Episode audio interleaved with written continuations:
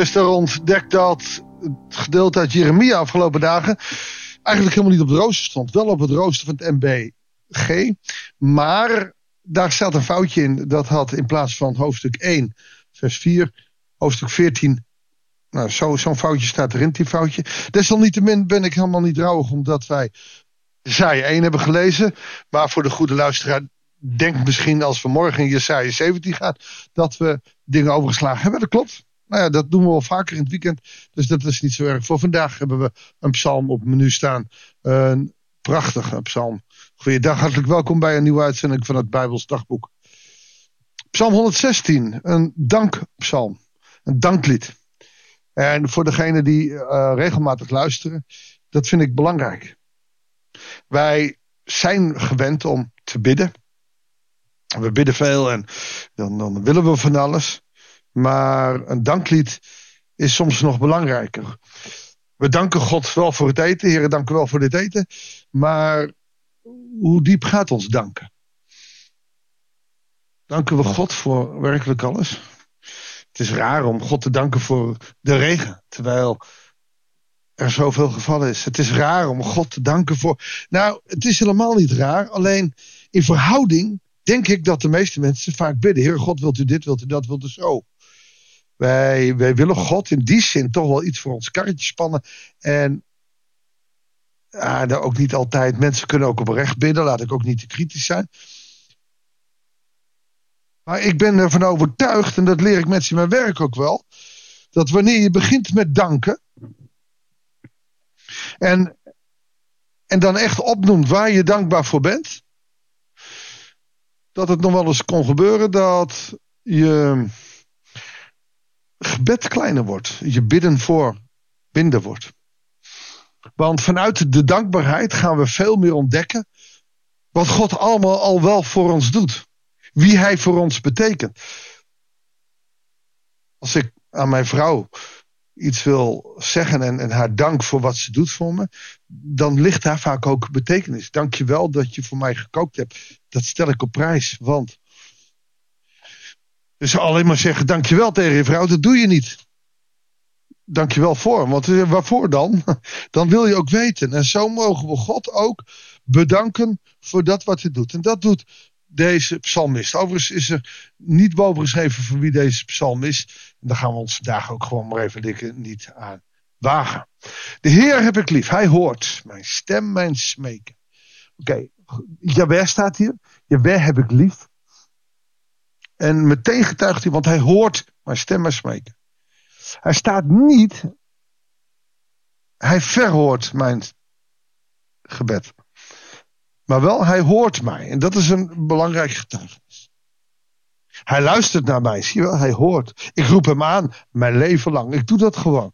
Dat betekent ook dat er periodes zijn geweest waarin hij het gevoel heeft gehad dat God niet zou horen. Hebben we allemaal wel eens. Alleen hij gaat ermee door. Continu gebed, oftewel volharden in het bidden. Banden van de dood omknelden mij. Angsten van het dodenrijk grepen maar Ik voelde angst en pijn. Psalmist voelt zich enorm in het nauw gezet. Daar letterlijk.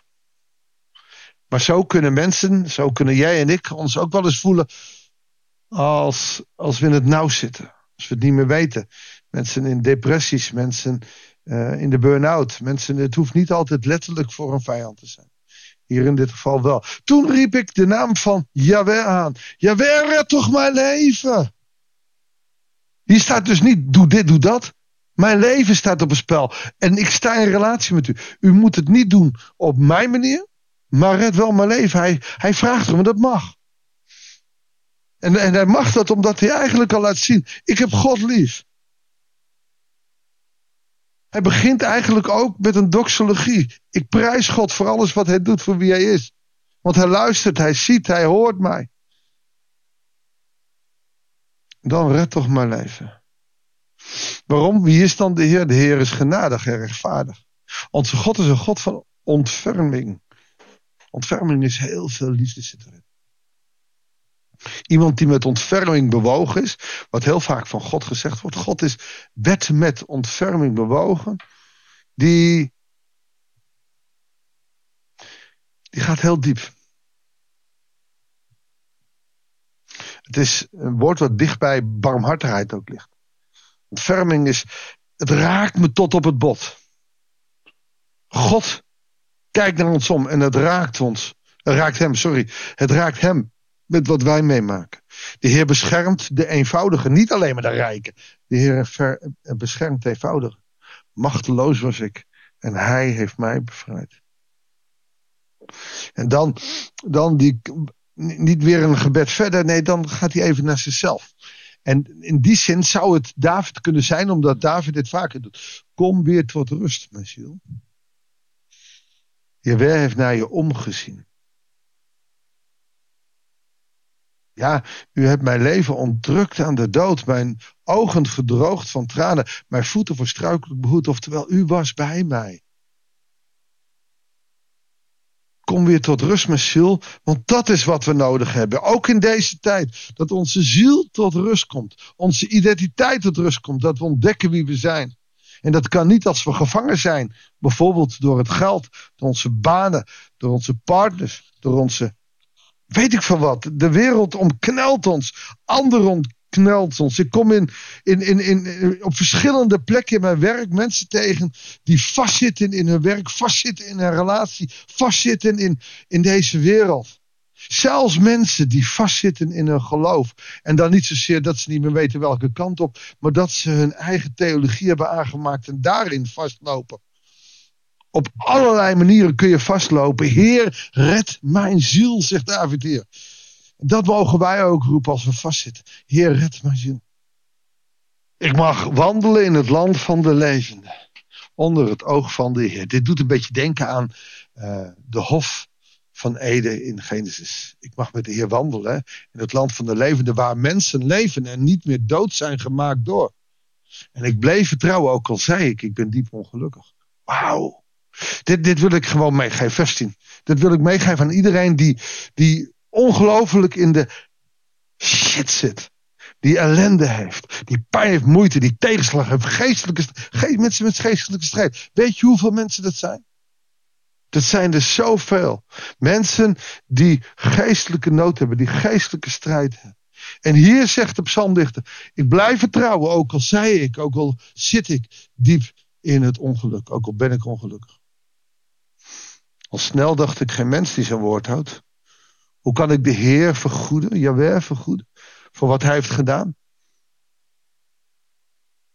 Ik zal de beker van bevrijding even, de naam aanroepen van de Heer en mijn gelofte aan de Heer inlossen in het bijzijn van heel zijn volk. En ook dit is weer heel erg mooi. Je kan God loven en je kan beloftes maken, maar als je dat deelt met anderen, dan moet je er ook aan houden. Dus soms is het goed om in relaties, of dat een man of vrouw is, of dat een man, man, vrouw, vrouw, of, of vrienden, of familie, vader, dochter, dochter, uh, broer, weet ik veel wat voor gekke relaties je hebt allemaal hebt, die, waar je vertrouwelijk ook over geloof kan praten. Af en toe deel wat je gelofte is aan God. Want als je dat hardop zegt waar anderen bij zitten, dan wil je zelf ook die gelofte veel meer houden. Want in jezelf kun je jezelf eigenlijk een beetje voor de gek houden. Kostbaar in de ogen van de Heer is het leven van zijn getrouwen. Ach Heer, ik ben uw dienaar. Uw dienaar ben ik, de zoon van uw dienares. U hebt mijn boeien verbroken. Opvallend is hier dat hij zegt: Uw dienaar ben ik, de zoon van uw dienares. Opeens ga je dan weer even denken: wie is dat? Eigenlijk is dat gewoon een compliment aan zijn moeder. De psalmdichter heeft een moeder die God diende. Die dienaar was van God. Dus de dienares. Ach heer, ik ben uw dienaar. Uw dienaar ben ik, de zoon van uw dienares. Hij geeft hier een compliment aan zijn moeder. De vrouw, de belangrijkste vrouw in zijn leven. Je moeder. Tenminste, dat zou het moeten zijn.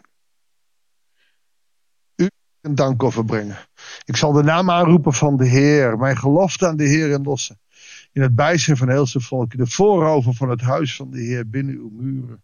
Jeruzalem. Halleluja. Ook hierin getuigt hij weer. Dat hij zal getuigen en zijn eh, belofte zal inlossen. En in onze gemeente heb je nog wel eens getuigenisavonden.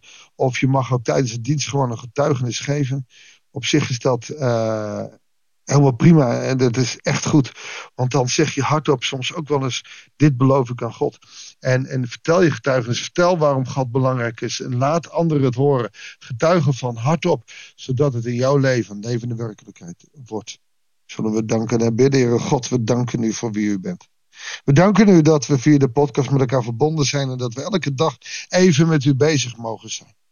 Heer, we willen u bidden, inspireer ons. Maak ons dorstig naar het levende water. Zodat we het niet bij die tien minuten houden. Maar dat we meer en meer in uw woord gaan lezen. Dat we hunkeren naar meer van u. Zodat we ook steeds meer mogen ervaren van u. En Heer, leer ons dan te danken. Voor al die wonderen die u doet in ons leven. Heer, ogen, open onze ogen. Zodat we kunnen ontdekken wat u voor ons doet. Ja, dat bidden we u in de machtige naam van onze Heer Jezus Christus die ons heeft vrijgekocht en die vrijheid heeft gezet. Leer ons dankbaar te zijn voor de vrijheid die u ons heeft gegeven. Dit bidden wij en danken wij u in de naam van Jezus. Amen. Dankjewel voor het luisteren. Ik wens je God zegen en heel graag tot de volgende uitzending van het Bijbels Dagboek.